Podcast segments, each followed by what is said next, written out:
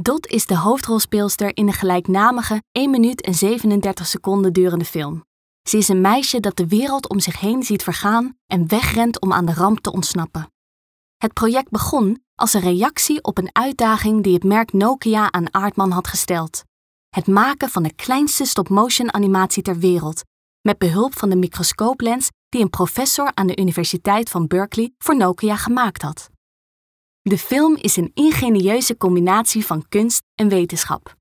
Werktuigbouwkundig ingenieur Lou Gardner werkte met de natuurkundeafdelingen van de Universiteit van Bristol om een unieke constructie te maken om de camera van de Nokia-telefoon vast te houden. De heldin, slechts 9 mm groot, was te klein om met de hand te worden bewogen. De kunstenaars maakten daarom 50 van deze kleine figuurtjes, die ze minutieus met de hand beschilderden. Elk van de figuurtjes vertegenwoordigt Dot in een bepaalde houding. Beeldje voor beeldje werd de ene dot vervangen door de andere, waardoor de illusie van beweging ontstond. Met behulp van deze vervangende animatietechniek konden de kunstenaars de ongelooflijke opdracht van Nokia uitvoeren. Dankzij deze techniek werd Dot recordhouder in het Guinness World Record Book als het kleinste personage in een stop-motion animatie ter wereld. Het succes van Dot plantte bij Aardman ook het zaadje voor een nieuwe uitdaging. De kunstenaars wilden nu ook de grootste stop-motion animatie ter wereld maken.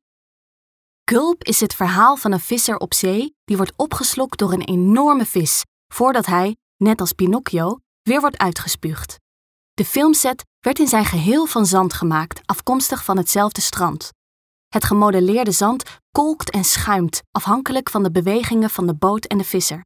De camera legde alles vanaf een hoogte van 40 meter vast. Gulp is als een vluchtige sculptuur, waarbij het zand met kleiachtige precisie beeldje voor beeldje is gemodelleerd. De film symboliseert het artistieke lef van Aardman, die zich niet liet tegenhouden om dit veelzijdige materiaal te gebruiken. En dat op een oppervlak van wel duizend vierkante meter. Dat is zo groot als twee tennisbanen.